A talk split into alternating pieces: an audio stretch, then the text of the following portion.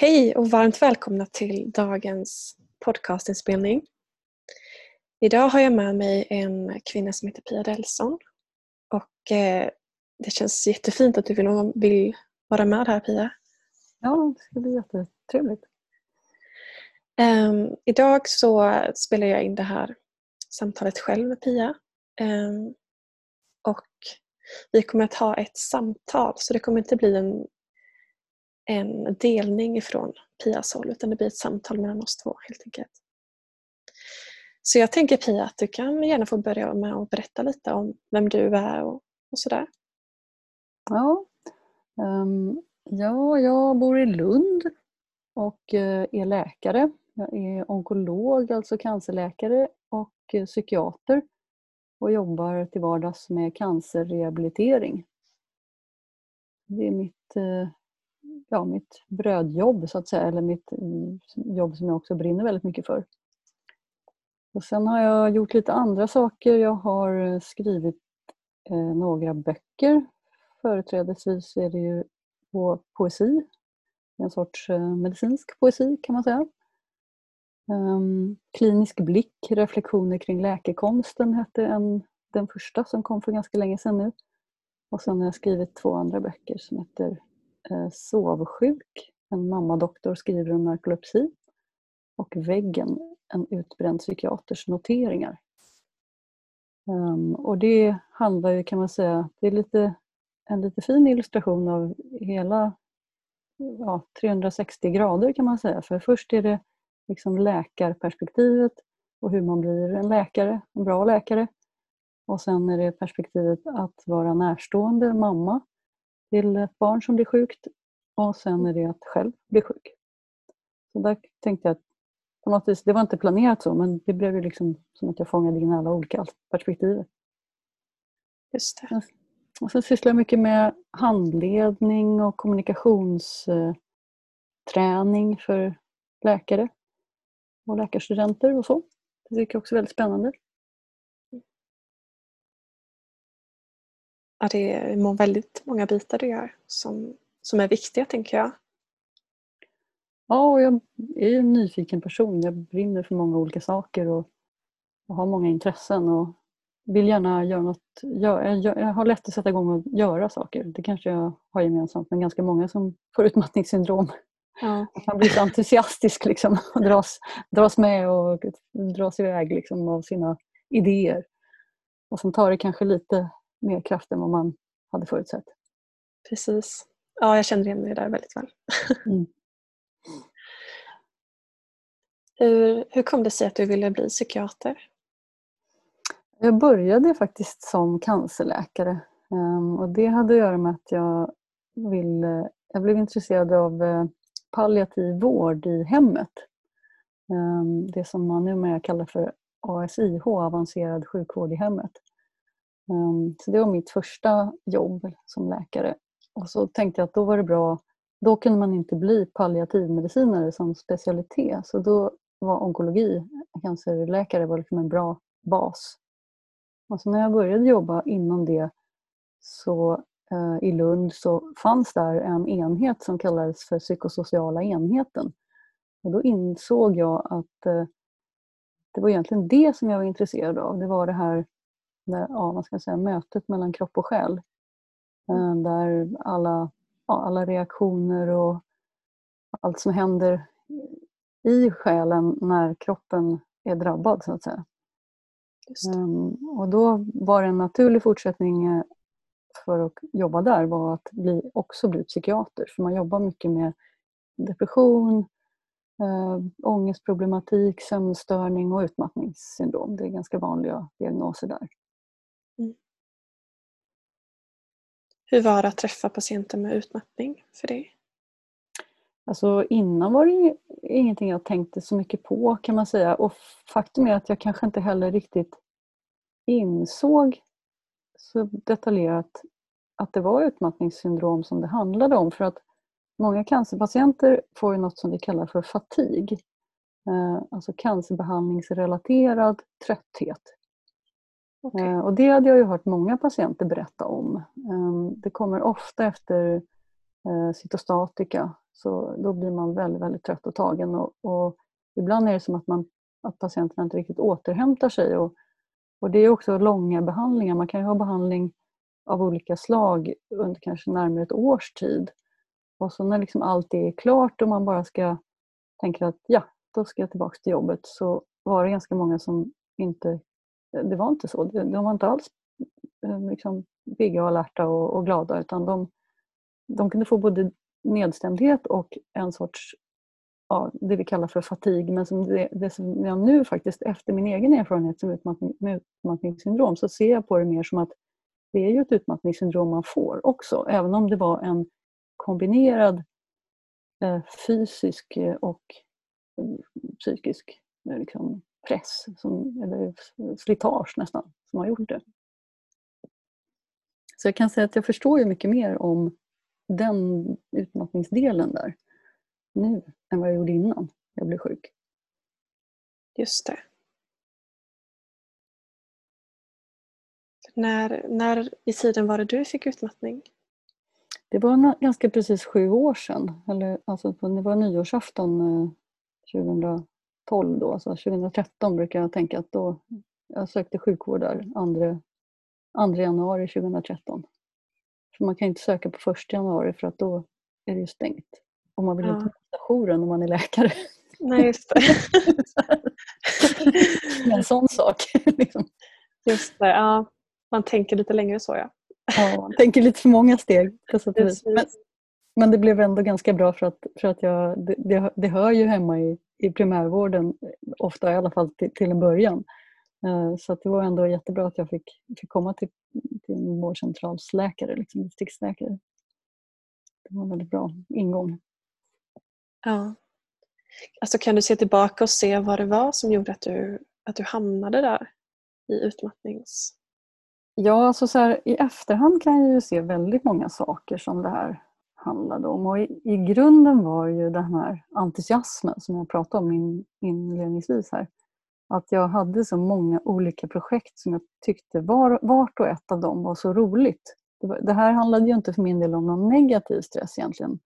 Mer än att det enda negativa som var, det var att jag var den enda läkaren på min enhet då för cancerrehabilitering.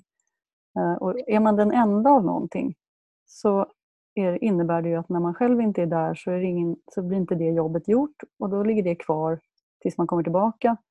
Eh, och det finns ingen att diskutera eller avlasta sig med. Liksom. Och det var väl kanske på sätt och vis en, en press även om jag trivdes väldigt bra med jobbet. Mm. Um, men sen hade jag ju Ja, vi, vi hade många stora projekt. Vi, vi, skrev det första, först skrev vi det första regionala vårdprogrammet för cancerrehabilitering för det här har inte funnits så länge liksom på, på pappret och på kartan i sjukvården uttalat. Um, och sen skrev vi det första nationella vårdprogrammet och då var jag ordförande i båda de här och sen grupperna. Det var ju 25 författare från hela Sverige och man skulle ha olika samlingar och så um, och väldigt mycket text att hantera. Och så höll jag på med ett forskningsprojekt så jag skulle så småningom disputera för det är självklart på min klinik där är nästan alla disputerade. Um, och sen så hade vi startat en förening för uh, cancerrehabilitering som jag var ordförande i. Och um, ja, så höll jag på med, också med alla de här utbildningarna i psykosocial onkologi och vi handledde studenter och läkare i patient-läkarkommunikation. Eh, alltså det var otroligt många olika uppdrag hela tiden. Och föreläste en väldig massa. Så att när jag tittar tillbaka då kan jag ju se att egentligen hade jag inte varit pigg på, jag tror jag kom fram till 20 månader var det som jag, liksom, som jag kunde minnas att jag var riktigt pigg och igång och alert. För då ordnade vi en stor konferens den första nationella, riktigt stora nationella konferensen i cancerrehabilitering.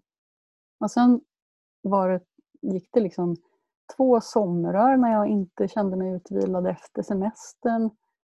Och efterhand så blev jag liksom tröttare och tröttare och sen var det lite problem i familjen. Det var en ung släkting som blev sjuk och dog i cancer och eftersom jag är onkolog så kände jag väl ett ansvar att, att liksom lyssna och, och finnas med. Um, och sen fick vår yngste son en eh, neurologisk diagnos. Som i och för sig han hade haft ett bra tag men som på något vis ändå... Ja, då började jag ju tänka på det. Liksom. Mm. Och det var väl som det ofta är att när det var fullt... Jag var egentligen ganska utsliten redan nästan två år innan då. Och så när det bara vevade på och kom till så att man så att säga, inte hade någon arena där det var lugnt och skönt. Um, varken på jobbet eller fritiden eller hemma. Liksom. Till slut var det, var det upptaget och, och ansträngt och mycket på gång överallt. Och det var där det någonstans, där det liksom, då gick det inte längre. Och så, så det sista som hände var att jag gjorde två resor. Först till USA och sen till Australien med två veckors, alltså inom samma två veckors period. Och då blev, fick jag ju världens tombola på dygnsrytmen. Mm. Så att den helt havererade. Och då, då tog det bara några veckor så var ju hjärnan helt slut. För min räddning innan hade varit att jag ändå sov. Jag sov alltid bra på nätterna. Så även om jag var igång från morgon till kväll liksom, så, utan paus så, så sov jag bra på nätterna. Men när jag slutade göra det då, då förstod man, utifrån det förstod man ju betydelsen av god sömn. För då, det tog verkligen inte lång tid så var hjärnan helt kaputt. Mm. Så det var väl en sån här, alltså jag kan ju se många varningssignaler egentligen. Och, och nu när jag vet med fast i hand så kan jag ju se att det, var tillfällen när jag liksom var helt utslagen egentligen. Det var som dippar som, som jag sen tog mig upp ur. Men det var de här första, första liksom, eh, ja, första dalarna innan stupet liksom kom på allvar. Just det. Så det var ju liksom, och hade jag bara haft en av de här grejerna, får jag, skulle jag få någonting som liknade det här, eller kom i närheten av det här nu, då skulle jag ju veta vad det var. Då skulle jag ju reagera, men då gjorde jag inte det. Är det så lätt att köra på ändå? Ja, och liksom, vi har tre barn och hus och hem och liksom man ska... Och så med allt det här jobbandet då. Så att, så att eh, man var ju egentligen alltid trött på sätt och vis. Det var ju 10-15 år sedan som jag var pigg innan dess. Alltså sådär som jag inte hade något annat ansvar än mig själv. Liksom. Mm. Eh, så det var ju länge sedan. Och, då, och på något vis, det är svårt det där när man är van vid att man i perioder är jättetrött men att det alltid löser sig. För hur ska man då veta när det verkligen inte kommer att lösa sig? Precis.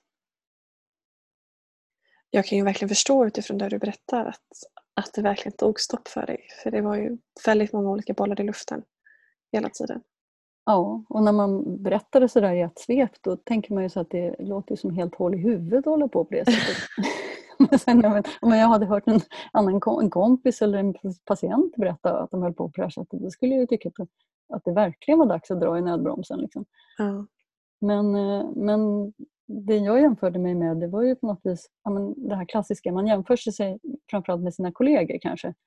Eh, och de klarade ju av massor med saker men det är klart, man tittar ju på egentligen är det kanske så att var och en av dem klarar av olika en sak var. Och så tänker man att man ska klara alla de där sakerna själv, alltsammans. Liksom.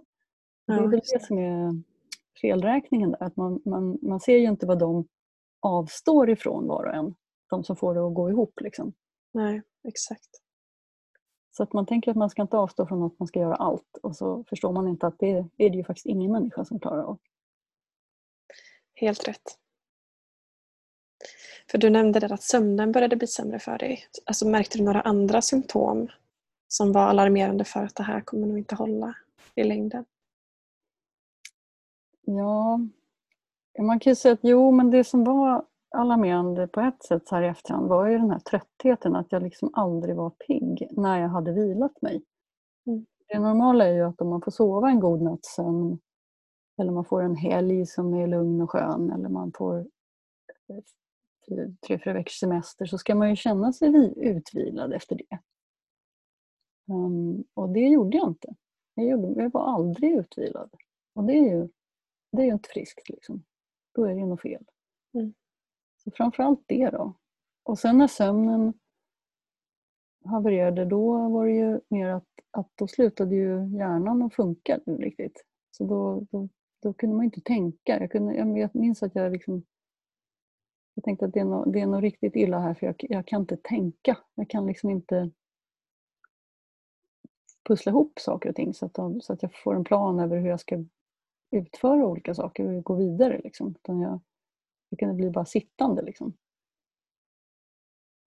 Och det är, inte, det är framförallt inte normalt för mig då. Eh, men inte normalt kanske annars heller, att man, att man ofrivilligt hamnar så. Liksom. Nej, precis.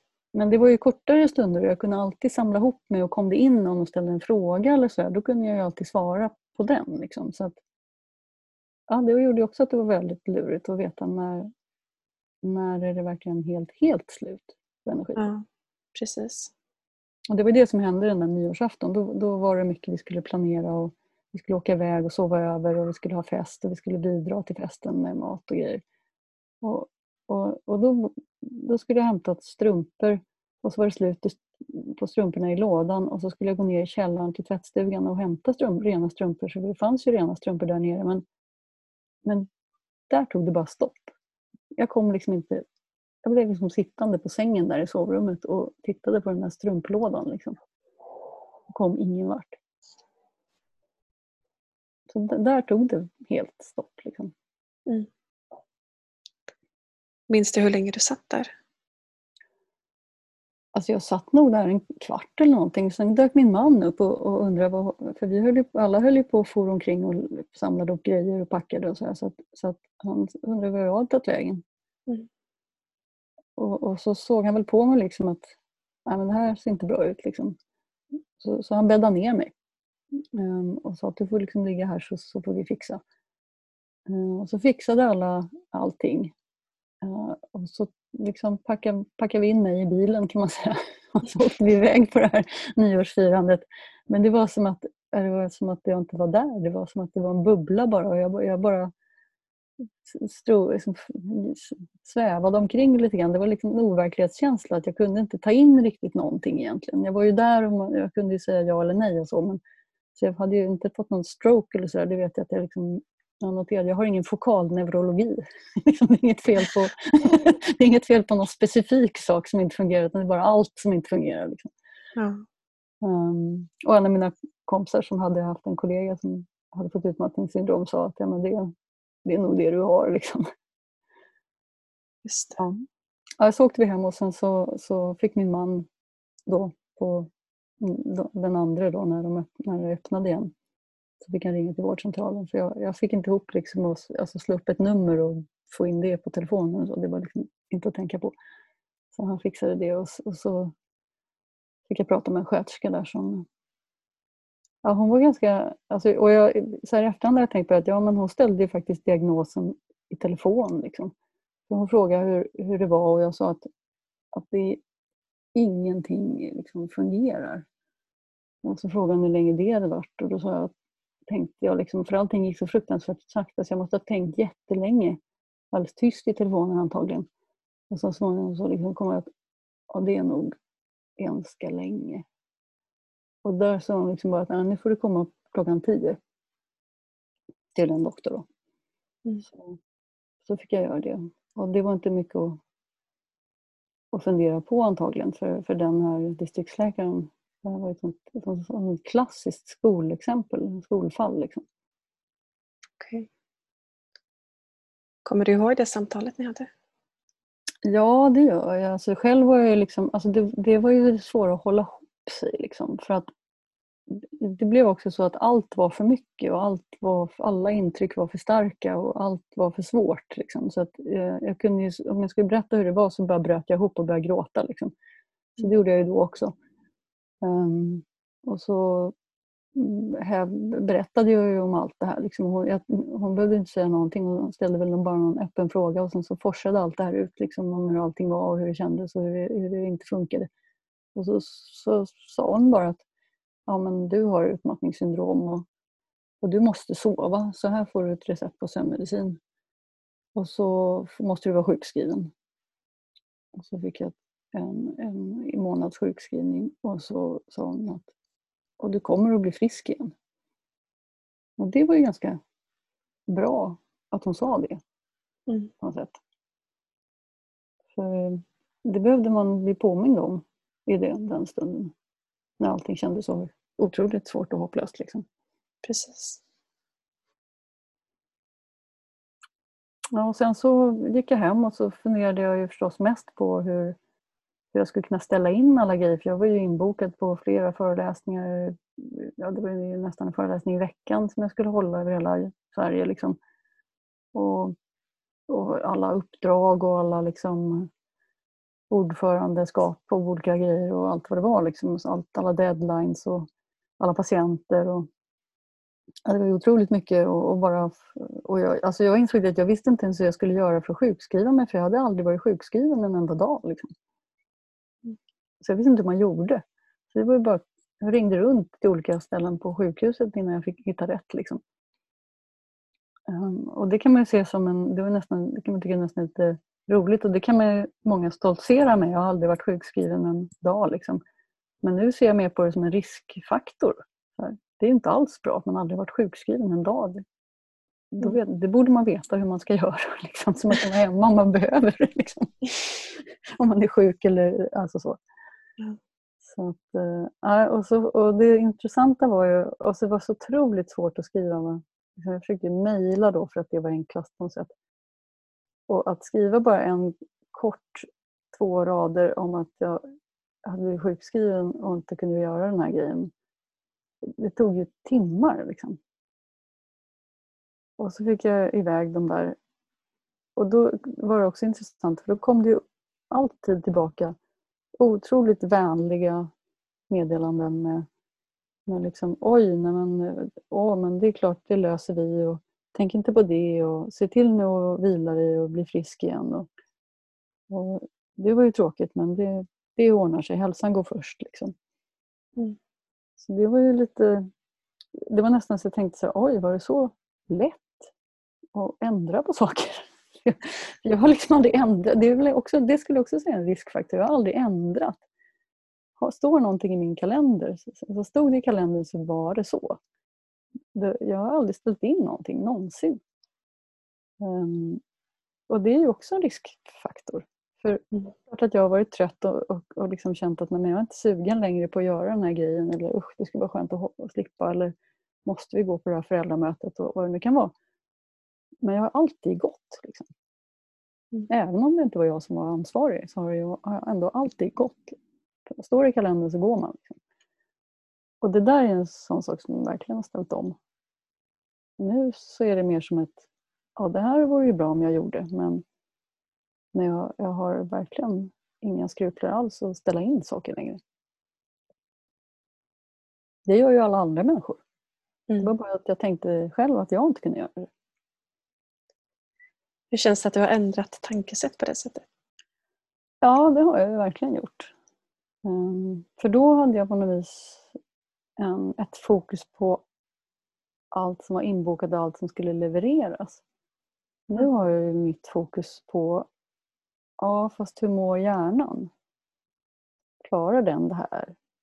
Hur är det med den? Behöver den någonting för att funka? Liksom? Mm. Så jag ser ju liksom på, det, var ju, det är kanske den allra största skillnaden, att innan så tänkte jag inte på att jag hade en hjärna. För, för det var ju jag. Liksom. Så jag, jag och hjärnan var samma sak. Det var mitt jag och det var, jag ville saker och så gjorde vi det. Liksom. Um, så gjorde jag det utan att tänka på att det fanns en hjärna där som skulle serva liksom, med allting. Och det, kan inte vara så lätt, det är inte så lätt att vara min hjärna. Får man tänka. Liksom. Att, att bli utsatt för att prestera allting utan att någonsin få någon omsorg egentligen. Um, aldrig få pauser, jag vet att jag brukar vara noga ändå med att äta för att jag brukar, det är en sån här grej att får jag för lågt blodsocker så funkar jag sämre. Då funkar hjärnan sämre, det har jag ändå noterat. Men om man tänker på hur vi sköter våra hjärnor överlag. Liksom.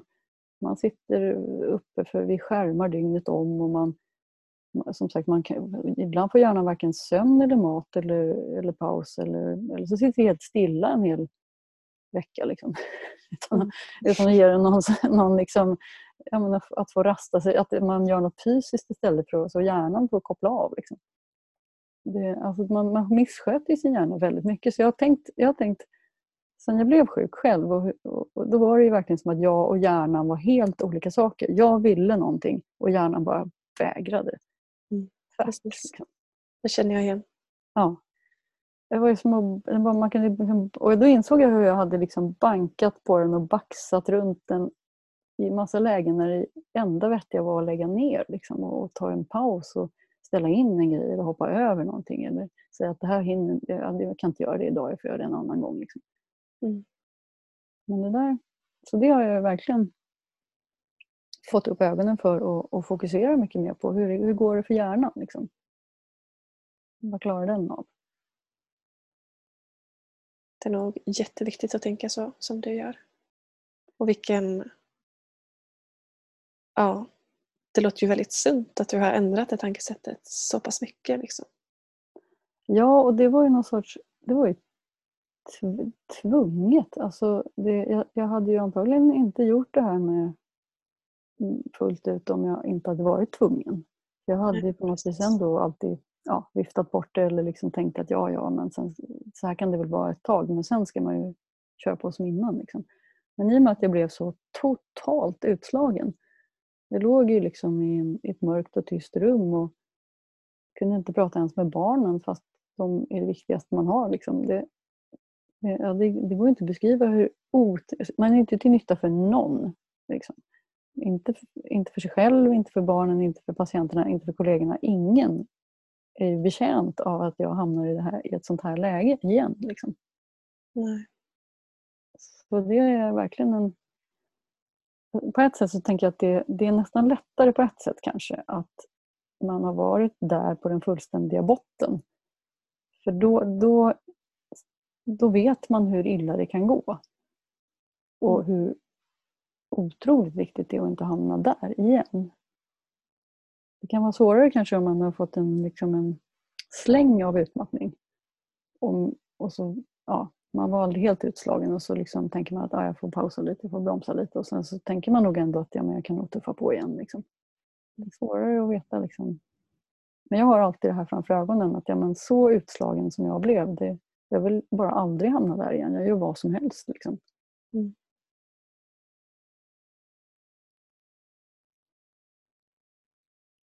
Det har jag tänkt mycket på.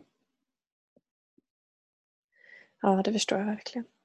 Och det var också en bra grej att förklara för barnen. För att man kände ju det här när de kom och ville berätta eller ville att man skulle hjälpa dem med saker. Och så, och så sa man bara, nej du får gå till pappa liksom, eller jag, du får vänta. Och så bara stängde man dörren om sig liksom, och gick undan. Så tänkte jag att det här måste ju ändå relativt små barn uppfatta som att man inte älskar dem längre. Och att man inte bryr sig om dem längre och inte är intresserad.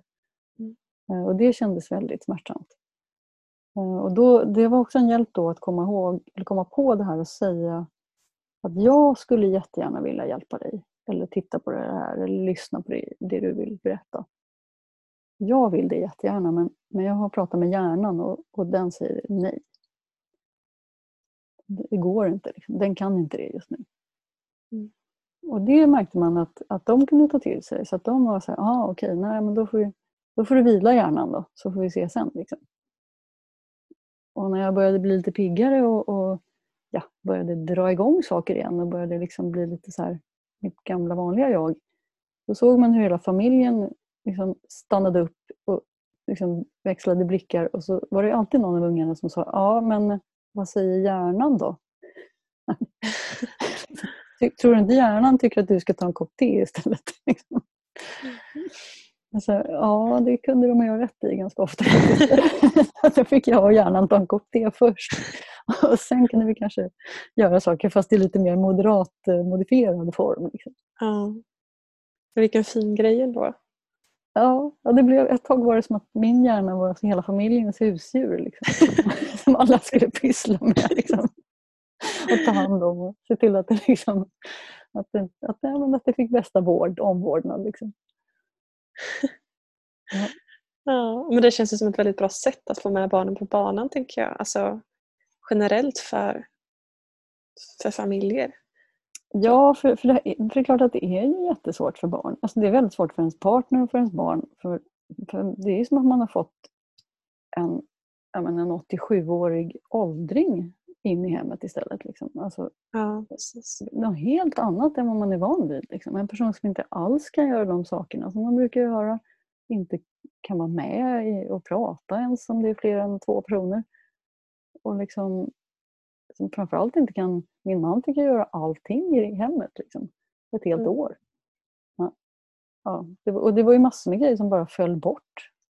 Vi gick ju inte ut på ett enda föräldramöte och inga födelsedagskalas. Det inga- massor med grejer som bara inte, nej det går inte att göra det just nu. Så det blir en väldig omställning för alla och det är klart att det, man kan tänka sig att man kan bli både besviken och less på det. Liksom, och, ja, tänka vad ska jag... Ja, man blir besviken på allt som man inte kan göra. Liksom. Mm.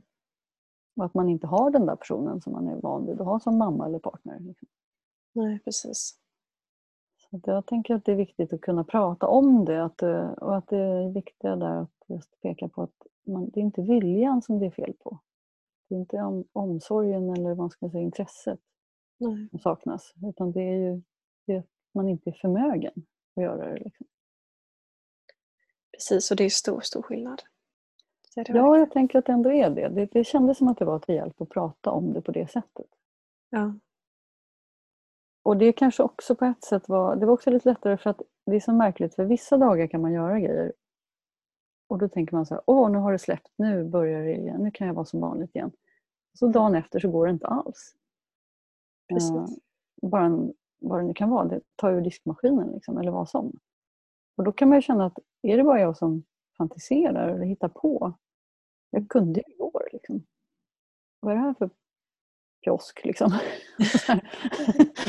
Och, och just det där att kunna, att kunna prata om att ja, fast hjärnan orkar olika mycket saker, olika dagar. Och, och det just kan vara så att ja, men, ibland har jag pratat om det som att man har ett, alltså hjärnan har ett sorts energikonto. Och när man får in en viss summa varje dag på det där kontot. Men, men om man gör någonting lite utöver det vanliga där så, så övertrasserar man kontot. Då hamnar man på minus och tar på krediten. krediten liksom. Mm. Och då kan det vara så att nästa dag när man får in mer energi så, så räcker det bara in, knappt ens till att fylla kontot tills att man inte står på minus längre. Liksom. Det finns inget överskott, det finns inget att spendera. Liksom. Um, och håller man på och tullar på krediten hela tiden då går man ju i konkurs. Liksom. Och det, det är ju det som händer när det blir så akut och illa. Liksom. Men det, tar, det är på något sätt som att man, har, man kanske kan se det som någon sorts sån här, vad heter det, skuldsanering som man håller på med under ganska lång tid. Ja. Att man liksom måste, måste hela tiden spendera mindre än man får in. För man behöver bygga upp och betala tillbaka på skulden och bygga upp sin, sina resurser, sina depåer igen. Liksom. Just det. Så Vilken bra jämförelse. Ja, man måste vara så otroligt försiktig med att hålla i slantarna verkligen. Hålla i och välja det man lägger det på hela tiden. Liksom. Det, räcker, det räcker inte till allt som man vill göra. Det bara, det bara gör inte det. Liksom. Mm. Ja, så det, det är liksom... Det är kanske också en viktig sak att inse att det här är inte något man fixar över en, över en vecka eller, eller en semester. Utan det tar ju längre tid ofta. Och jag, tumregeln som jag brukar tänka stämmer är på något sätt att det tar lika lång tid att komma tillbaka som det tog att bryta ner sig själv. Mm. Och om jag skulle ta den jämförelsen då så var det ju liksom att det, att det skulle ta 20 månader, alltså nästan två år åt andra hållet då för att bygga upp mig. Liksom. Just Det det. kan man säga att det, det stämde ganska bra. Ehm, att jag efter ett och ett halvt år så, där, så var jag tillbaka så att jag kunde... Jag var tillbaka på jobbet. Jag kunde jobba men jag valde att jobba 80 procent för att jag ville... Jag hade haft en sån här sjukskrivning där jag hade onsdagarna till återhämtning. Och det var en sån verkligt bra grej för mig. Så att jag, jag, länge så hade jag kvar att jag inte jobbade på onsdagar alls. Eh, och då bara gjorde jag... Då höll jag alltså inte på storhandlade och städade huset och sånt utan då gjorde jag ingenting. Liksom. Bara återhämtade mig. Det, det höll jag på med rätt länge. Alltså.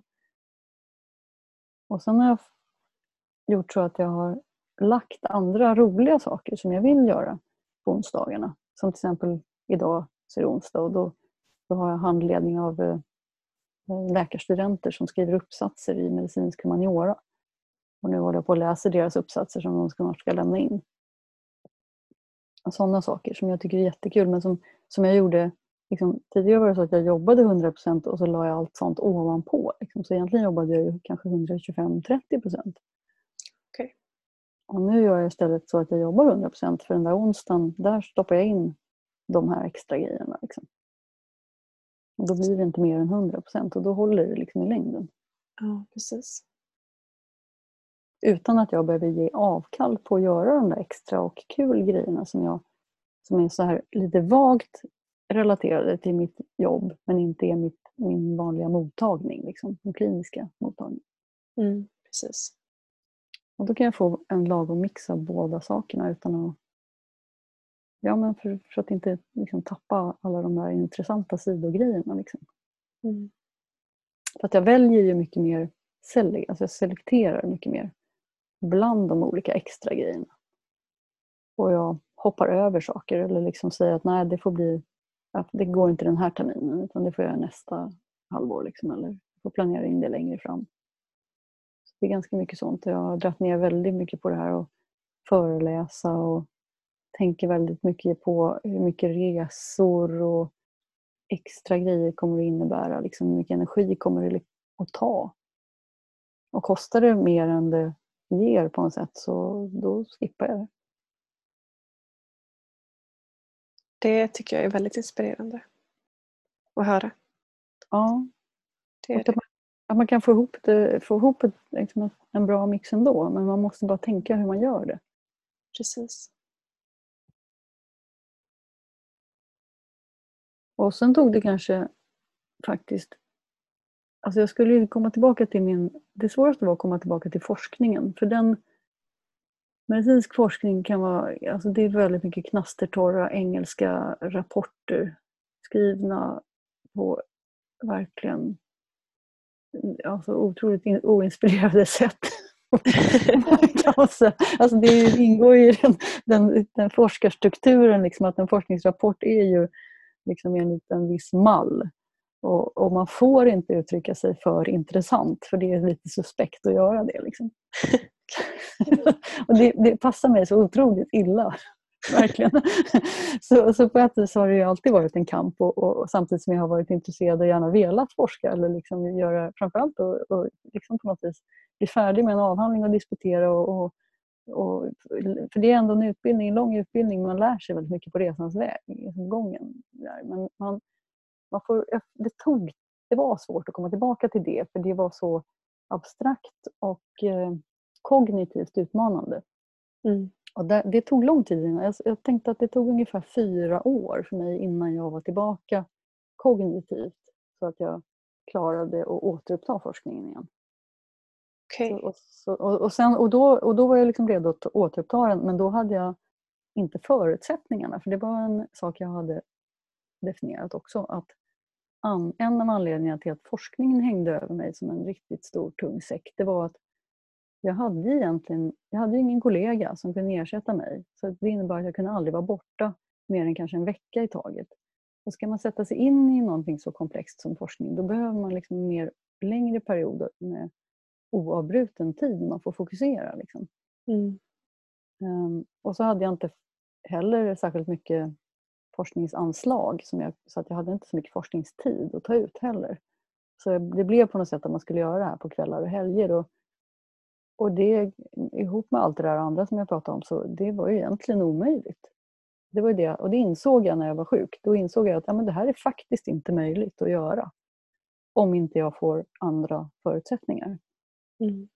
Alltså så fick jag, bytte jag handledare och hon hade en hel del forskningsmedel och sen så eh, fick jag faktiskt så småningom en kollega.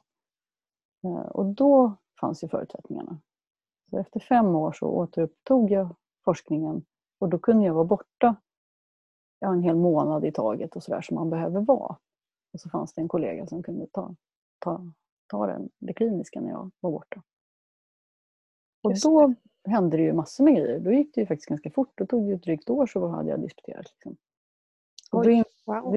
Jag hade ju kommit ganska långt. Jag hade kommit, ner, jag hade kommit halvvägs innan kan man säga. Men, men på något vis var det som att det fanns ju där alltihopa. Det bara det att det visade för mig hur viktigt det är att man inte ger sig på saker där man inte har förutsättningarna på plats för att ens klara av det. Liksom. Mm. Det har jag blivit mycket mer noga med. Att jag, jag ger mig inte på saker om jag inte... Alltså man kan alltid göra en pilot eller liksom göra ett test eller man ska säga. Prova på en grej lite extra. Bonus sådär.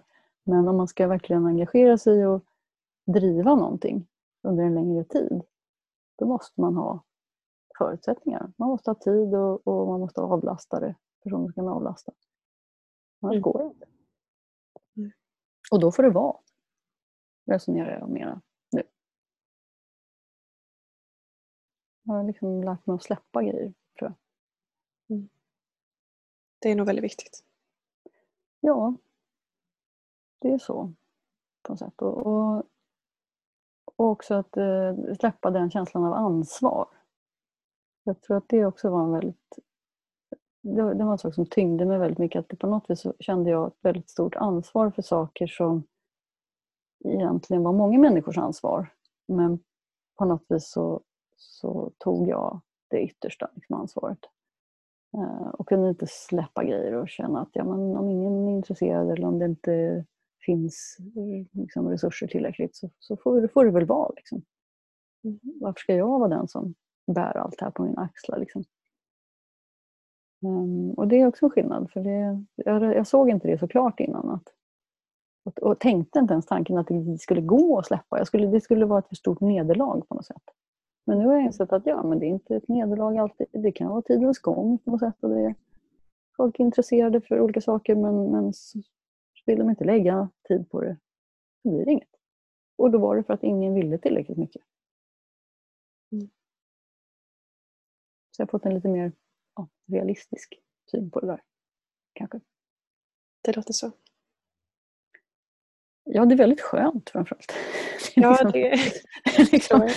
ja, man, man kan släppa grejer och känna att ja, men det far i frid. Liksom, alltså på något sätt. Att det, det var kul så länge det varade men vi behöver inte hålla igång det här hur länge som helst. Eller?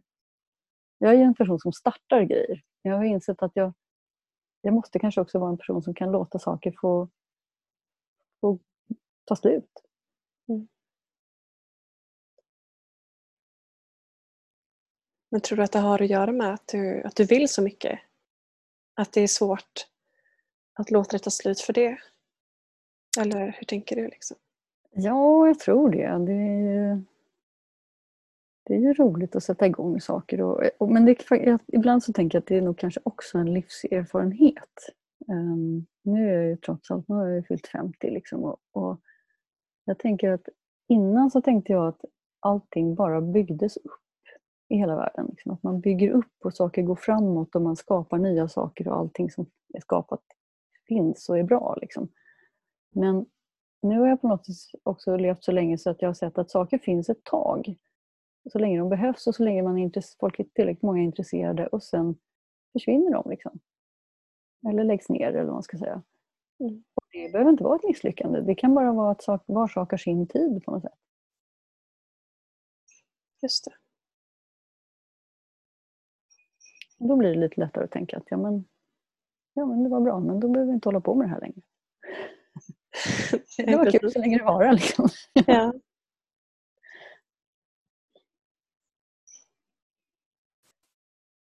Ja, och man ser hela tiden hur saker ändrar sig väldigt mycket. Det är bara att titta på där jag jobbar i sjukvården. Det, det är väldigt stor skillnad. Jag har jobbat 20 år som onkolog nu. Det är liksom, ja, allting har ändrat sig. Det är, behandlingar har kommit till och patientgrupperna har ändrat sig och arbetssätten som vi har, hur vi ser på saker och hur vi... Ja, bara så mycket saker som har ändrat sig. Hur ser du på det då? Ja, alltså jag tänker att saker ändrar sig ofta för att de måste ändra sig. Alltså jag kan ju ta det exemplet att, till mig själv då igen. Att så som vi jobbade på vår enhet då för cancerrehabilitering. Där var ju, jag var inte den enda som blev sjuk av att det liksom var, det var inte bara, alltså de flesta andra av mina, jag har ju då kanske kollegor som, de andra är inte läkare, de är kuratorer, psykologer, eh, fysioterapeuter, alltså sjukgymnaster eller, och en massa andra sådana här rehabiliteringsyrken. Liksom. Um, och ingen jobbar väl kanske med fullt så mycket saker som jag gjorde men vi var ändå sex personer som gick i däck och blev långvarigt sjukskrivna under tre års tid. Och det är ju en person i halvåret. Liksom. Ja, precis. Och det handlade ju väldigt mycket om att an, en anledning till att alla gick i däck på det här sättet, det var att vi jobbade som att, så som vi alltid hade jobbat, att vi, höll, vi hade en kontinuitet så länge patienten fanns på kliniken på, så, så var de våra. Liksom. Vi hade, var och en hade sin, patient, sin patientstock så att säga. Mm. Och man delade aldrig patienter eller, eller liksom tog del av andras, eh, vad ska man säga, man hjälptes inte åt med dem. Utan man hade sina egna, fast det var lite som en frisörsalong. Så var och en hade sin stol som man hyrde liksom, och så, så sitt rum och sin, sina patienter. Liksom. Um, och sen så kom hela den här revolutionen med att cancerpatienter tidigare, det var ju så att antingen så blev man då frisk och botad och så kontrollerades, kontrollerades man i några år och sen så släpptes man från, från kliniken. Eller så fick man en spridd sjukdom och då, eh, då dog man ju ofta inom ett eller två år kanske. Så ändra sättet så försvann man liksom från kliniken. Men nu finns det en stor grupp i mitten som får bromsande cancerbehandling eh, som kan få det i år och decennier faktiskt ibland. Och det är ju jättemånga patienter. De, de behöver hela tiden sjukvård, så att säga, medicinering och rehabilitering. Mm. Men de finns där hur länge som helst. Och det är ju jättebra, det är fantastiskt. Men det ställer ju liksom, vi är ju inte flera, vi som ska leverera allt det här. Så vi behöver ju tänka att vi behöver göra på andra sätt. För annars så räcker vi inte till de som verkligen behöver oss. Ehm, så vi har börjat jobba mycket mer målinriktat och, och mer i stunden. Att man, vad behöver du just nu? Liksom? Och sen så får man, vad behöver du just nu? Och vill man träffas en kortare tid och åstadkommer just det som behövs just då. Och sen så säger man, nu och så rustar man folk till att liksom mer klara, klara av saker på egen hand. Klara sig själva och det är egentligen en väldigt bra grej. Um, folk vill ju vara självständiga. Man vill inte bara känna sig tvungen att komma och få stöd hos, hos andra egentligen. Um, utan man vill mer ha verktyg och hantera saker själv. Och sen så kan man då alltid komma tillbaka. Om det uppstår en ny situation där man inte kan hantera saker längre, då kan man komma tillbaka och få hjälp den gången också. Och då kan vi alltid ge hjälp till de som behöver någonting just nu. Och sen, vi, sen har vi också en väldigt viktig sak på vår enhet. Vi har börjat med att vi har morgonmöten som kallas för pulsmöten för det är bara tio minuter och man bara stämmer av att alla är på plats. Och, eller om någon är borta, om vem kan ta den personens grejer. Och så, mm. och så har vi då, då frågar man varje dag vilken färg man har. Och så får, vi set, får folk sätta en plupp, en sån magnetplupp liksom, med sitt namn. Och då kan man vara grön, eller gul eller röd. Um, och då har vi definierat, det där tog ganska lång tid att definiera, vad betyder det att vara grön eller gul eller röd? Liksom.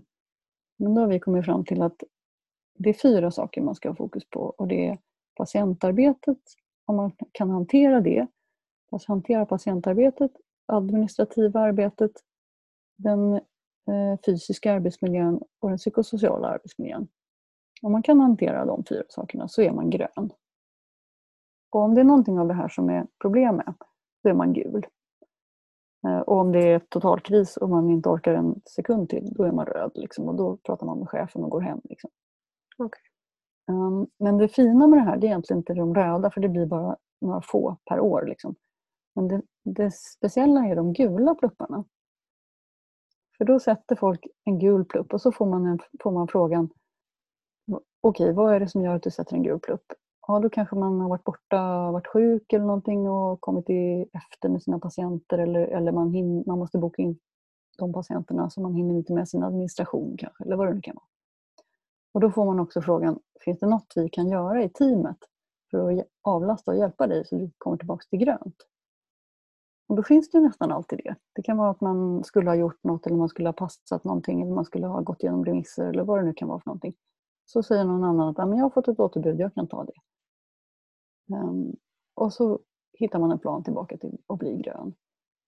Och då kan man säga att det är ganska ofta som folk är gula. Nästan varje dag är det ju en eller två gula, eller fler. Um, någonstans där har det legat. Men det fina är att de går tillbaka till att bli gröna för att man hjälps åt. Och för att man delar på alltihopa. Och för att man får en chans att säga till att, man, att det är för mycket. Mm. Och det där, sen vi började med det så är det ju ingen som har blivit långtidssjuk. Okej. Okay. Det tycker jag är helt fascinerande skillnad verkligen. Ja, verkligen. Det låter ju helt klart som en väldigt, väldigt bra grej för en hel organisation egentligen. Ja, och det har, ju, det har varit en del i att vi har börjat just samarbeta mycket mer. Vi är ju många olika, vi är tio olika yrkeskompetenser liksom, och vi har börjat utnyttja att vi är olika. Och vi, patienterna kan gå till liksom, flera olika och få olika insatser så att säga. Mm. Ehm, så vi delar med oss och delar, delar också patienterna får tillgång till, så kan man ju vända det på det då, till så mycket mer än bara en person. Ja, precis. Och så blir man inte så utlämnad liksom, till att, att man känner att man måste sköta det här och om ingen sköter det så eh, att det blir inte samma starka känsla av att man liksom överger sina patienter för att vi är flera om dem. Liksom. På ett bra sätt. Mm. Så det tänker jag, det där att ändra på hur man, din fråga där om, man, om jag tycker att det har varit bra. Och jag tycker att det har verkligen varit en otroligt viktig förändring som vi har gjort på vår enhet. Mm. Ja, jag kan verkligen förstå det. Men det har varit ganska arbetsamt att ändra. Det är, väldigt svårt att ändra. Och vissa, vissa, några personer har ju inte velat ändra heller utan har velat fortsätta som innan och, och hålla hårt i sina patienter och, och sådär. Och det, ja, men det, har ju, det har ju varit att några stycken har slutat på grund av det. Liksom. Mm. För att man inte trivdes med det här ändrade sättet. Men de flesta har ju ändå, och det är faktiskt också så att det är ganska många som har kommit till och som har aktivt har sökt sig till oss för att vi jobbar på det här sättet. Så det, det, jag skulle säga att det är väldigt positivt. Ja, jag tycker det låter väldigt sunt att ha den typen av samarbete. Ja, och det blir så tydligt när man ser det på tavlan. Det betyder något att sätta den där gula pluppen och att man ser det, man ser det i vitögat själv också. Ja, precis. Nej, det är inte, det är inte okej. Jag har det inte okej. Liksom. Men hur kan vi hjälpas åt så det blir bättre? Ja, precis. Men det är svårt för det är, det är ju alltid det är lite en svaghets Många uppfattar ju det som ett svaghetstecken. Så, ja, tyvärr är det så. Man kan inte, man, därför jag har haft mycket diskussioner om man får, hur man får sätta, alltså, alltså att vissa kanske inte sätter gult fast de borde sätta gult. Mm. Alltså vissa, hos vissa har det suttit väldigt långt in, inne. Liksom.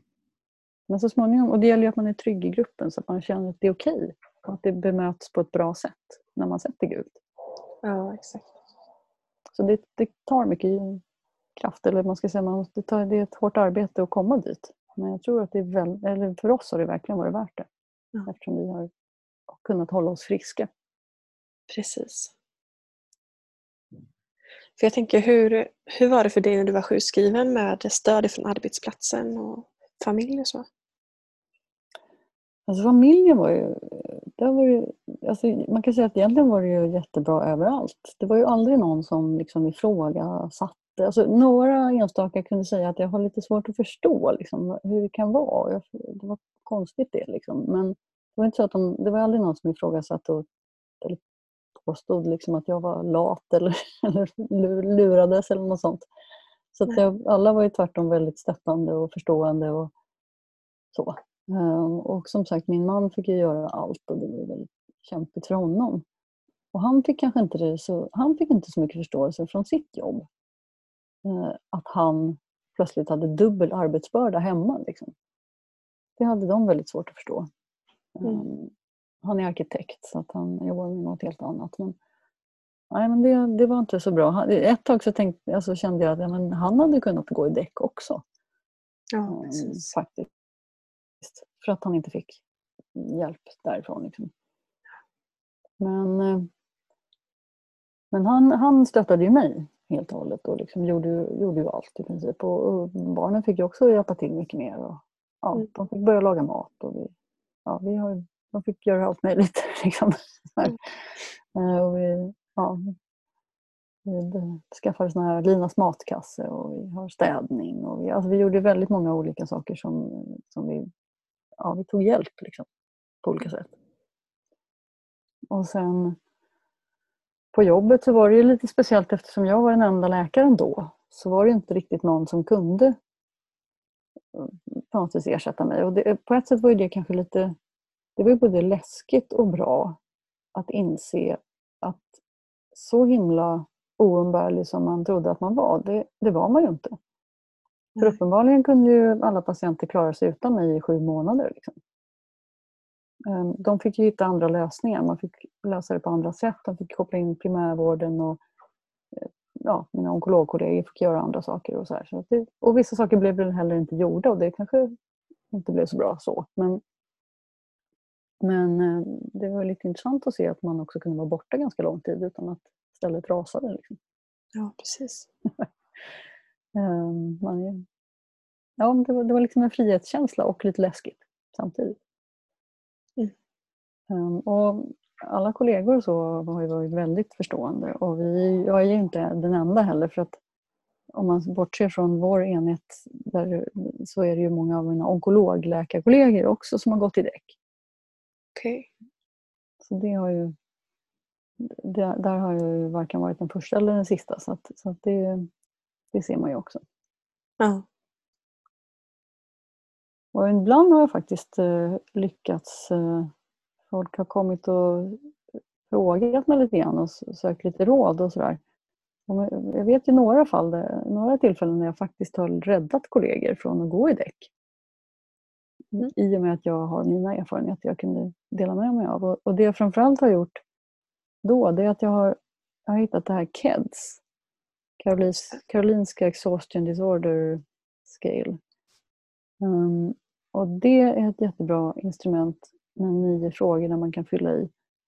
Och så kan man få ett, få ett nummer, liksom. man får en siffra på, på hur, hur nära utmattad eller hur utmattad man är. Ja. Och är man över 18 på det där, man kan ju få 54 poäng som mest. Är man över 18 så är man i riskzonen och då, då har jag liksom föreslagit de här kollegorna att de ska göra den här skattningen och så har, och, och så har de då varit över 18 och så har jag sagt att ja, men då borde du söka sjuk. Då borde du söka en riktig, då borde du söka dig till en riktig doktor. det vill säga inte försöka fixa det här själv utan boka en tid hos en annan doktor. Liksom ja um, och få vara patient. Och det är lite intressant att det har fått... Um, det var en av mina kollegor som sa det att han hade bokat den där tiden och så kom han efter en, en och en halv vecka tror jag det var. och sa han, ja, alltså nu har jag den där läkartiden imorgon så här, som jag har bokat men, men jag har ju redan hunnit ändra på massor av saker och nu känns det faktiskt mycket bättre ja. och, det har man ju sett i massa, det har man sett i studier faktiskt, att det här bara att boka tid till en, då en läkare eller en psykolog eller någonting, det är egentligen där, redan där sätter processen igång, liksom, förändringsprocessen. Um, så bara, och det är därför jag tycker att rekommendationen är att man ska boka en tid. För att om man, om man sling, slirar och slingrar sig, liksom, då, då blir det inte den där processstarten. Men om man har bokat den här tiden, då sätter man igång och börjar tänka på det. Liksom. Och där kan man komma ganska långt. Och en annan kollega hade fyllt i det där och så hade hon, liksom, och så hade hon läst min bok, Den här väggen. ja. Då hade hon känt igen sig på så många saker. Eh, och, och då hade hon, sagt, då hade hon gått raka vägen till sin chef och sagt att nu tar jag fem veckors semester, bara så här rakt av. Oj. Så här. Och- så sa hon så här, och då sa den chefen, jaha vad bra, det har jag väntat på. Men, men.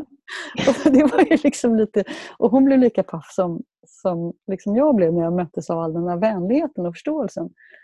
Att, för den här chefen hade ju sett att hon jobbade alldeles för mycket och, och slet ju ut sig. Liksom. Men, men hon hade inte själv varit där och varit redo att tagga ner. Liksom.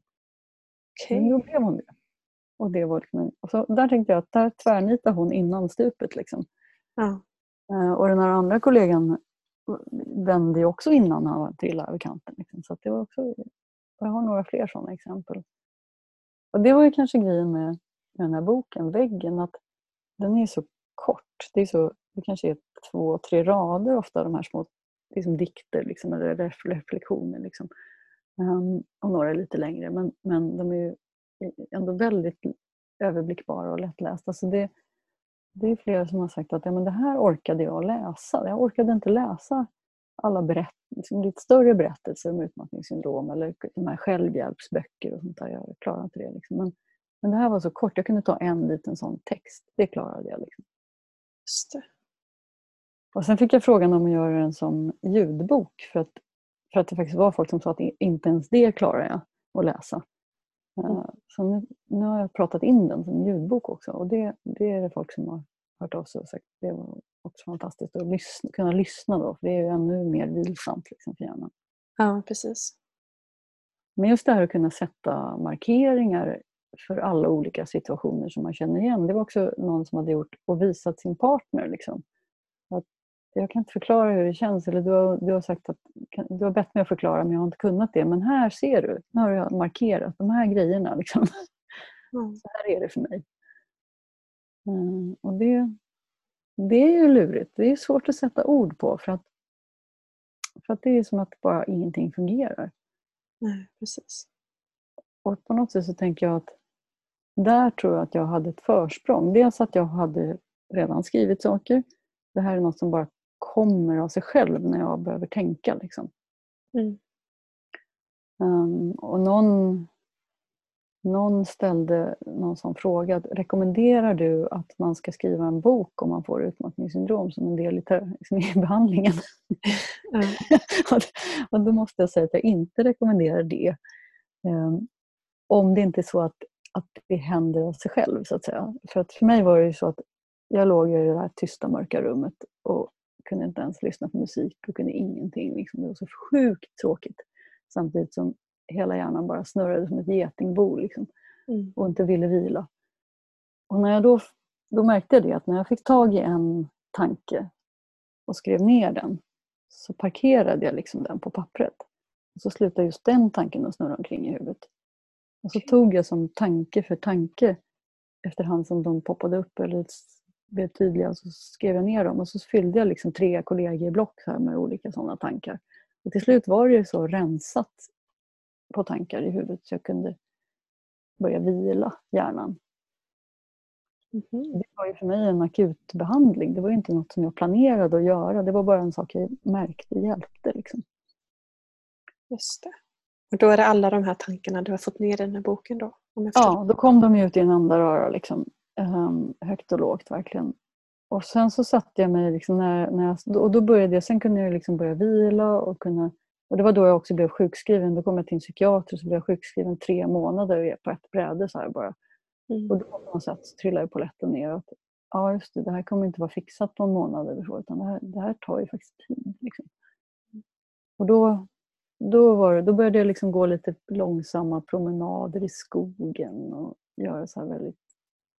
Ja, för I början så tränade, försökte jag träna liksom för mycket och det funkar inte heller. Jag blev jätte, jättetrött och allt var svårt och mm. jobbigt. Så att, så att då, nu bytte jag liksom stil och så gick jag på mer på strosade på utflykt. Liksom.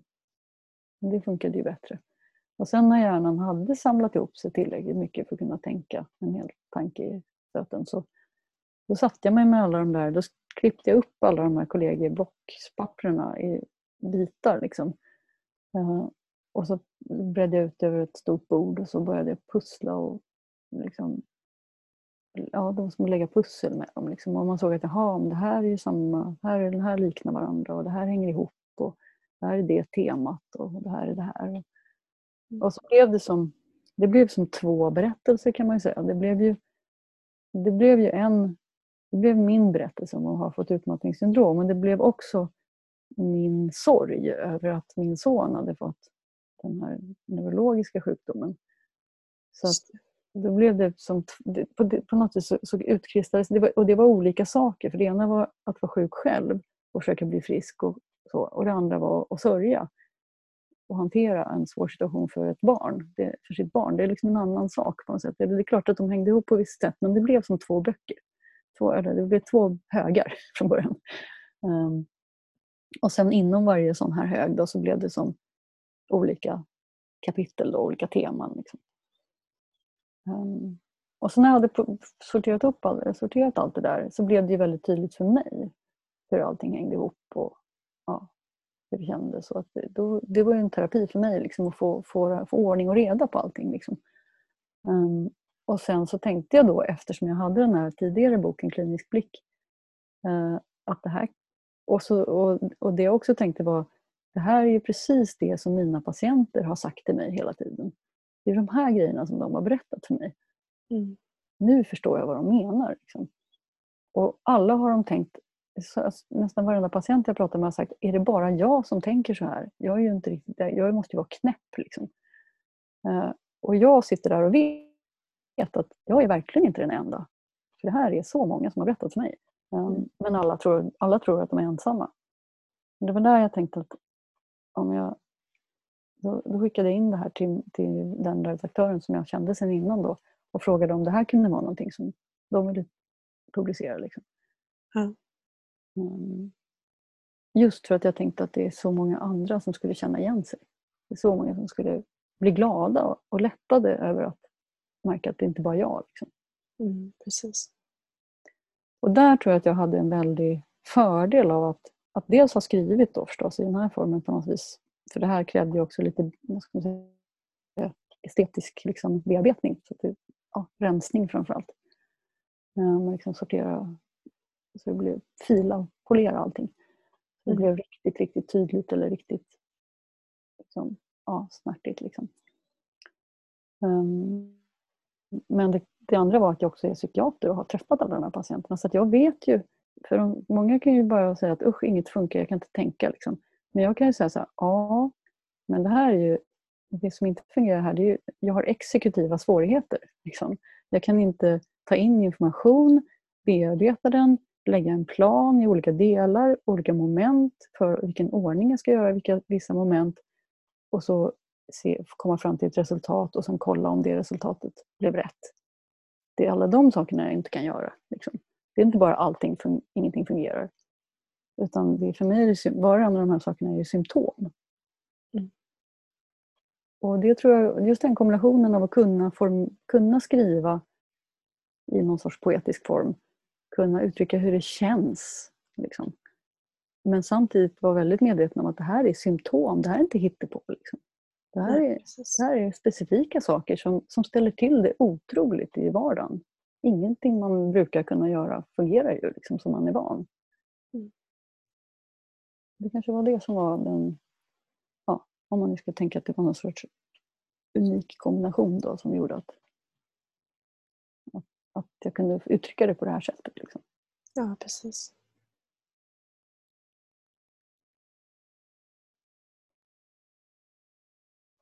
Så det var en sorts egenterapi som kun, kun, jag tänkte kunde hjälpa andra. Och som jag också har fått ganska mycket feed, så, fått mycket respons. Att det har hjälpt andra. Och det blev jag väldigt glad över. Det förstår jag. Det är ju jättefint att få den feedbacken. Ja. Ja, för så vill jag gärna göra med saker och ting som man är med om. Att man, alltså det känns ju ändå på något vis som att visst, det var helt meningslöst att jag skulle råka ut för det här eller hamna i det här. Mm. Um, och det var en jätte, jättesvår erfarenhet. Men om man då kan använda den till någonting så att det kan bli bättre för, för andra också. Då känns det menings, som att det finns någon sorts mening. Man kan skapa en mening av det. På något sätt. Det fanns ingen mening där från början men man kan skapa en mening. Precis. Och det, det tycker jag är jättefint att, att du tänker så. Mm. Om man skulle vilja ha den här boken, hur, eh, hur går man tillväga då? Den finns på Bokus och Adlibris och där. Och i vissa bokhandlar också tror jag fortfarande. Den kom ju för fem år sedan. Så att, ja. Men den finns fortfarande, den, den trycks. Vad bra. Och den finns som e-bok. Och man kan låna den på biblioteket eh, ofta. Ja. Och där, eh, i vissa bibliotek har jag också e-lån. Så det vet jag också folk som har lånat. Just det. Och sen finns den nu som ljudbok då på lite olika sådana här ljud. Jag kan inte vilka, exakt vilka, men Storytel och sådana där. Ja. kan ha den också. Just det. För det låter ju verkligen som att det är många som kan ha nytta av det du har delat med dig av och skrivit om, tycker jag. Ja, jag tror att det är, det är så skönt att känna igen sig. Att känna att det är just Ja, men det är precis så där det känns. Liksom. Ja, Den känslan är ganska svårslagen faktiskt. att man blir så otroligt lättad och glad. Liksom. Ja. Så att, ja. Precis. Jag tror att vi, det man blir bättre, alltså de här sakerna, vi behöver prata om dem. Vi behöver, vi behöver dela med oss också utifrån att fler ska bli medvetna om faran, så att säga. Mm. Och jag tänker ju att vi faktiskt kommer att behöva införa det här på skolschemat i grundskolan. Liksom. Vi behöver ha ämnet hjärnvård. Ja, faktiskt. sådana här grejer med kost och motion och rökning och alkohol och allt möjligt. Men inte hur man ska vårda hjärnan. Liksom. Hur vet man vad hjärnan behöver? Vad, hur vet man att den har fått för mycket stimulans? Och vad, hur vet man var gränsen går? Hur, vet man vad man, hur känns det? Vad ska man göra för att det ska bli bättre? Hur ska man ta hand om sig? Liksom? Mm. Jag tror att det finns en, ett stort behov av det här. Det kan man se på Anders Hansens eh, föreläsningar och böcker. och så här. Om skärm, skärmhjärnan och att eh, jag tycker han, hans böcker har också gett mig en aha-upplevelse. Att, ja, vissa saker behöver hjärnan som vi faktiskt vi, vi, eh, har, um, vi ägnar så mycket tid åt andra saker så vi hinner inte med vissa grejer tillräckligt mycket. Mm. Uh, som till exempel att röra oss fysiskt. Uh, och en annan intressant sak som jag tyckte var att hjärnan den, den känner sig ensam om man bara umgås på skärmen. För vi tycker på sånt, på sånt vis att vi är så uppkopplade. Vi är så socialt uppkopplade. Vi är mer interaktiva socialt än någonsin. Liksom. Men det är inte den typen av social eh, samvaro som hjärnan räknar som samvaro. Um, och jag, brukar, jag har tänkt på det så här. Min slutsats är att nej, just det, hjärnan är ju programmerad att den ska se till att vi omkring oss har personer som kan hjälpa oss att få mat och skydda oss och som vi kan ha sex med så vi kan fortplanta oss. Liksom. Mm. Inget av det där kan man ju egentligen få via nätet. Liksom. Man behöver ju ha personer i samma rum liksom, för att de ska kunna hjälpa en med de här sakerna. Så det är liksom ett, ett lur det här att man gör grejer socialt via nätet. Um, så vi behöver träffas i verkligheten och, och så behöver vi vara fysiskt aktiva för att skydda hjärnan. Liksom. Jag tycker det är väldigt spännande tankar han har. Ja, verkligen. Jätteintressant.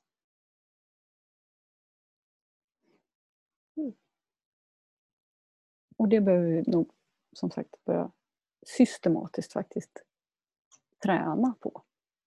Från tidiga år. Om det ska bli bra. Absolut, det håller jag helt med dig om. Jag kommer att tänka på det förut när du nämnde eh, kring att du hade svårt med träning och sådär. Eh, hur länge kände du att det var att det var svårt för dig? Alltså det första var ju det här, det var ju lite nästan tragikomiskt. För det är ju det att jag har ju sagt till alla mina patienter att alltså cancerrelaterad eh, trötthet, alltså den här fatig som vi pratade om då. Ja. Eh, den enda behandling som finns mot fatig det är fysisk träning. Så jag pratar med alla mina patienter om hur viktigt det är att åtminstone gå promenader i rask takt och så här. Man måste kanske inte jogga eller springa eller så. Men man måste liksom försöka röra sig fysiskt. För det är det enda som, fast man känner sig tröst, trött så måste man göra det. Ja. För det är liksom det enda som kan göra att det blir bättre i längden. Um, så jag ordinerade ju mig själv att jag skulle ut och gå raska promenader och så här.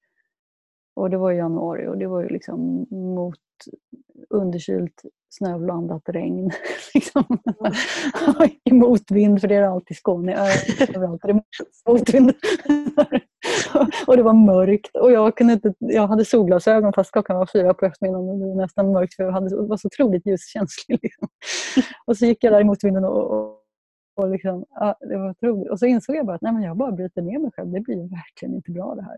Så jag, ska inte göra, så jag, jag bestämde mig för att jag skulle göra tvärtom mot mina egna råd och helt enkelt bara lägga mig pall. Liksom.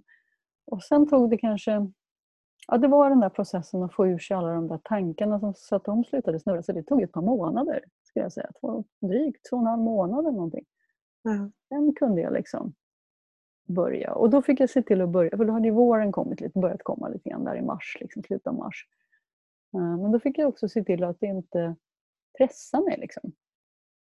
Utan då tog jag med mig en filt och en apelsin och en liksom, termos med te och så, så strosade jag. Liksom. Och så tänkte jag ofta så att nu ska jag gå den här rundan. Och så kände jag kanske när jag kommit en, ja, en bit på vägen att nej, gud vad långt det är. Och då bara så nej, då tar vi paus och sen går du hem igen. Liksom. Mm. Så jag liksom verkligen tränade på att inte gå i mål med allting. Liksom. Utan att just känna efter. Orkar du? Vill du? Känns det bra? Liksom? Ja. Och det hade jag nog inte egentligen någonsin tränat så mycket på. Känna efter så. Liksom. Jag har alltid satt mig över de där grejerna och tänkt att ja, men jag biter ihop och kör lite till. Liksom. Det har ju ofta, ja, men det har ju på sätt och vis lönat sig hela livet. Liksom.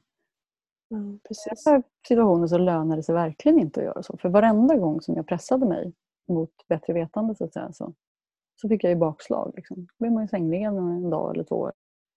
Eller, det blev inget bra alls. Liksom. För hur då- mådde du, hur mådde du då? Alltså, ja, då var det ju fortfarande så att jag inte kunde riktigt tänka och jag kunde, jag blev trött. Jag kunde ju göra en grej om dagen. Bokade jag in två saker så blev det ju total haveri. Liksom. Ja. Jag kunde inte liksom, jobba eller, eller planera någonting. Eller, liksom, alltså, jag kunde bara vara hemma och, och sköta precis mig själv. Liksom. Ehm. Ja, det var jättesvårt verkligen. att vara så inkapaciterad fullständigt. Kunde du få några fysiska symptom också vid träning? Jag tänker att eh, känna lite feberkänslor eller smärta i kroppen eller så. Nej, jag har haft ganska lite fysiska. Det där kan ju vara väldigt olika. Det kan man ju ha massor med fysiska symptom. Men jag har inte haft så mycket. Det enda jag har kunnat märka, det är liksom det här att, eller det jag tränade väldigt mycket på, det var ju att hinna fatta att jag höll på att ta slut på reserverna innan jag hade tagit slut på dem fullständigt. Ja, och precis. blev sådär urladdad och var tvungen att ligga och ladda i två dagar.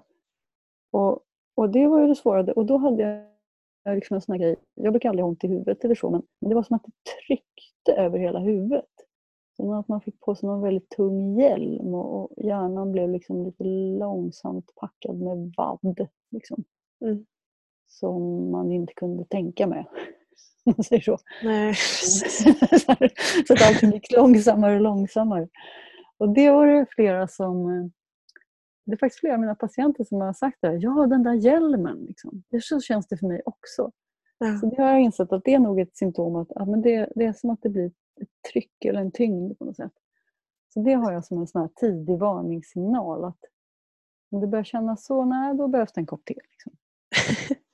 Då ska, vi, då ska vi inte pressa vidare. Liksom. Nej. Ehm, och sen hade jag också, och det var mycket sådana här, först var det så att, att jag bröt, bröt ihop eller trillade i, i, i ner i groparna hela tiden. För att jag, jag så tänkte jag måste hitta det tidigaste tecknet. Vad är det tidigaste, vad är det första jag märker när, jag, när det börjar ta slut? Liksom. Mm. Och då kom jag fram till att det första jag märkte det var en, en liksom så lite uppmuntrande check röst som sa så här nu är jag psykiater så det här att höra röster är ju inte en bra grej. Men, men, men liksom, ja, man pratar ju med sig själv på något sätt. Men liksom lite, jo men det klarar du. Ja men det är bara det här lilla. Jo, men kom igen nu. Det här, vi gör bara det här så ska vi pausa sen. Liksom. Mm. Och då insåg jag att varje gång som jag lyssnade på den där rösten och liksom pressade mig lite till, då knäckte jag ner mig liksom, över kanten igen. Så, att, så, att så fort så lärde jag mig då att ja, så fort det där kommer, det, att den där rösten kommer, det är för att jag egentligen inte orkar. Jag skulle behöva lägga mig ner och bara ta en paus nu. Men så vill jag liksom pressa mig och på något vis uppmuntra mig över den här kanten. Men det är ingen bra uppmuntran. Det är ingen bra röst. Liksom. Du ska inte lyssna på den. Så kommer det en sån, kommer den och säger det här, så ska du, då är det tecknet. Då ska du omedelbart avbryta liksom, Ja, och bara ta paus. Och när jag började göra det så, och gå efter det, då, då funkade det mycket bättre. Så då Mm. kom jag Det var mitt tidigaste tecken. Det och den här hjälmen. Liksom. Just det. Men vad bra att du har sådana alltså tydliga tecken ändå. Ja, alltså de är tydliga nu när jag vet. Ja, det, för att egentligen är de jättesubtila. Det, om man bara är väldigt inne i någonting eller, eller liksom håller på med något och är väldigt uppslukad av något eller är väldigt engagerad i eller det är folk omkring och pratar och så här, då, då missar man dem lätt. Ja, det är sant. Så att man måste ju verkligen veta vad det är man personligen har för egna liksom, första tecken.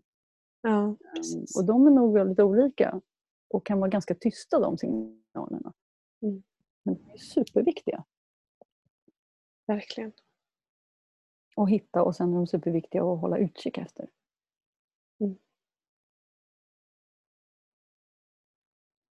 Ja, jag håller helt med dig. Mm. Hur, eh, hur känner du dig idag med tanke på din utmattningsproblematik? Och har, du, eh, har du känningar kvar eller är du helt eh, återställd? Eller hur, hur ser det ut för dig? Ja, så man kan ju säga att jag får ju den frågan ibland. Så här, Åh, vissa säger att man aldrig kan gå, komma tillbaka, som man, som, komma tillbaka liksom fullt ut. Mm. Um, och då brukar jag tänka på det som att nej, det är klart man inte kan. För om man skulle göra likadant som man gjorde förut, då skulle man få samma resultat. Mm. Nämligen att man går fullständigt i däck och är borta ett och ett halvt år till. Liksom. Och vem vill det? Um, så det är ju inte ett mål ens, att, bli, att det ska bli som det var. Tvärtom, det är ju så att man måste ändra. Mm. Um, men däremot så har jag ju behövt fundera då igenom vad är det viktiga? Vad är, jag, har haft, jag har skrivit långa listor på vad tycker jag är värdefullt? Vad tycker jag är roligt? Vad tycker jag är det, det som jag verkligen vill lägga min då, då när jag nu har insett att jag har en begränsad ork, vilket ju alla människor har, men jag hade inte insett det innan.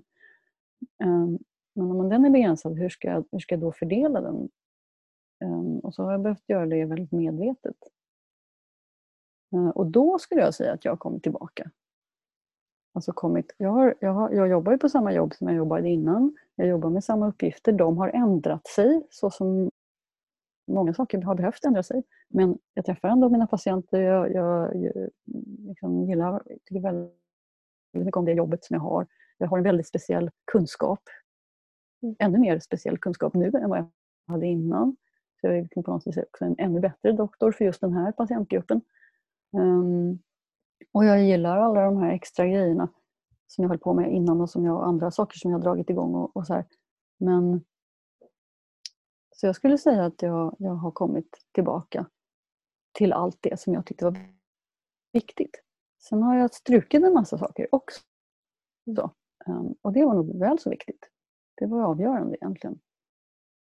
Och det är också en sån där grej som jag har börjat inse att um, jag måste ta min olust på allvar. Om jag känner olust för mycket i en situation. Innan så var, var olust någonting som jag skulle bara sätta mig över. Så här, bita ihop och, och köra på ändå. Liksom. Allt kan vara lite jobbigt eller motigt ibland men det är bara att köra. Det är bara att kämpa på. Liksom. Mm. Men nu känner jag att ja, fast det var den där olusten. Det var var för många saker som egentligen, de hade varit roliga när jag började. Men efterhand så blev det för många saker och det blev för mycket mitt ansvar. Och, och det blev liksom bördan, bördorna blev tillsammans för tungt. Och då blev allting egentligen ganska olustigt. Men jag lyssnade inte på det. Utan jag skulle bara, jag skulle bli klar med, eller jag skulle hit livet. Liksom. Och då, då har jag tänkt att det där att lyssna på när det känns som att jag orkar inte. Gud vad kämpigt. Liksom. Ja, men lyssna på det och ta det på allvar. Liksom.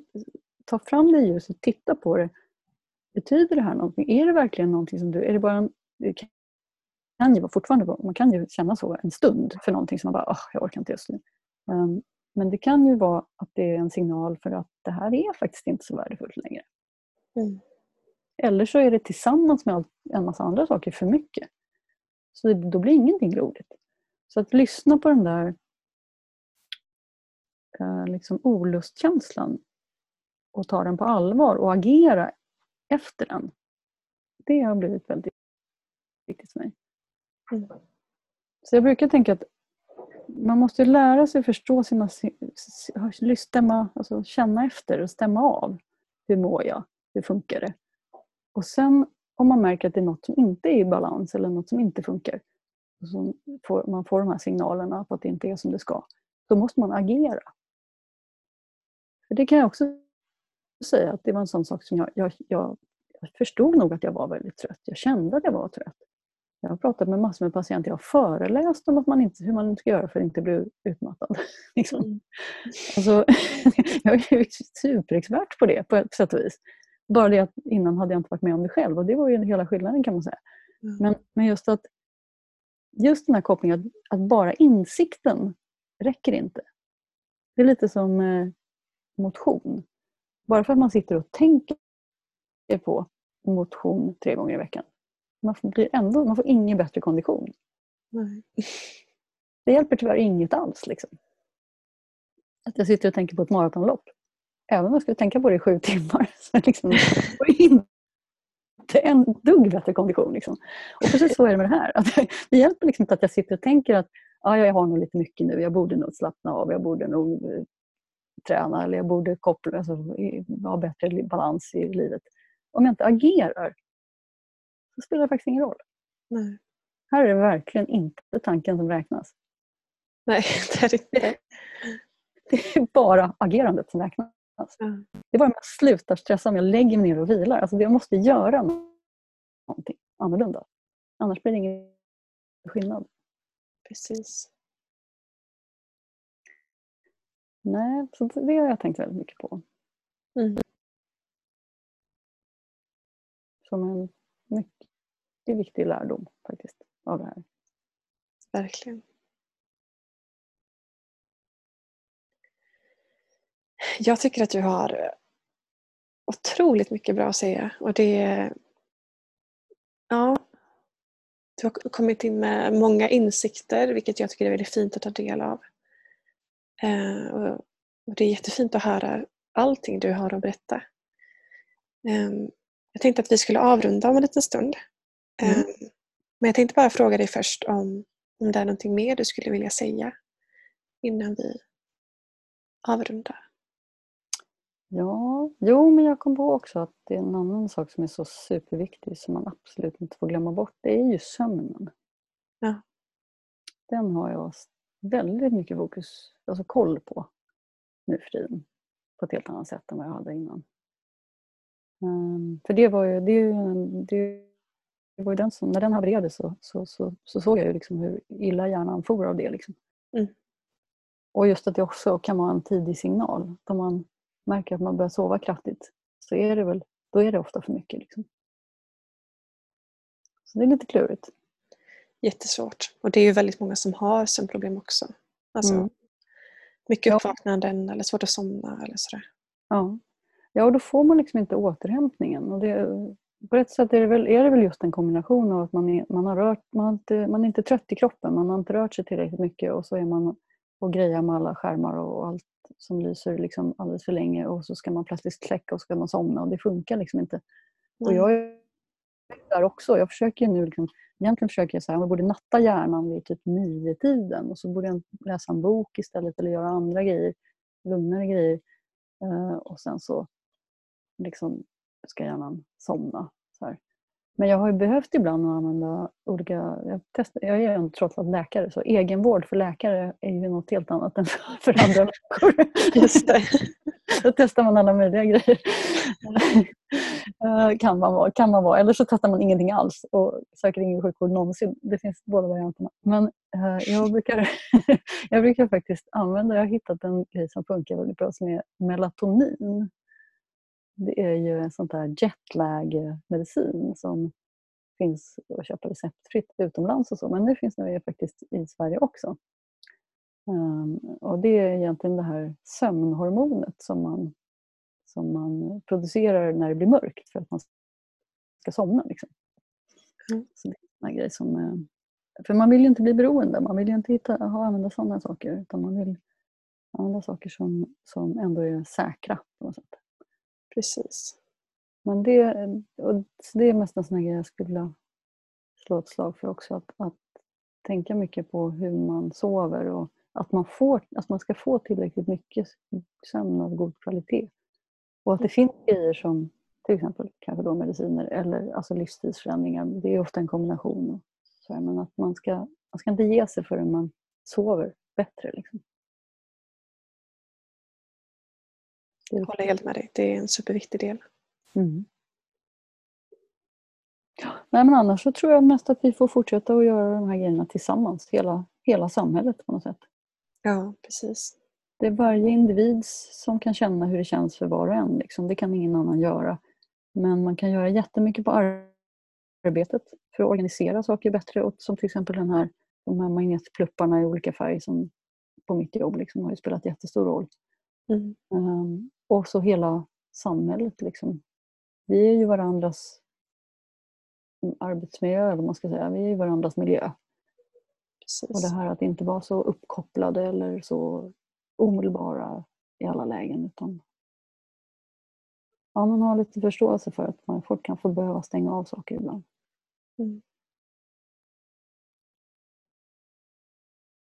Så ju mer vi pratar om det desto bättre tror jag. Det tror jag med. Helt klart. Mm. Det känns som att du och jag skulle kunna prata i många, många timmar till. Ja, så känner jag. Men nu börjar jag faktiskt känna det där lilla trycket över huvudet. Så här. Så tänker jag, nu har jag koncentrerat mig ganska länge. Mm, nu borde jag nog ta en kopp te. Det borde du göra. Det tycker jag du ska gå och göra nu. Ja, eller hur? Ta en åt mig med dig snäll. Så, ja, så.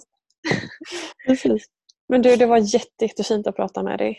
Mm. Eh, verkligen. Så stort, stort tack för att du ville vara med. Ja, tack själva som frågade. Jättekul. Vad härligt. Lycka till! Tack detsamma. Prata om hjärnan.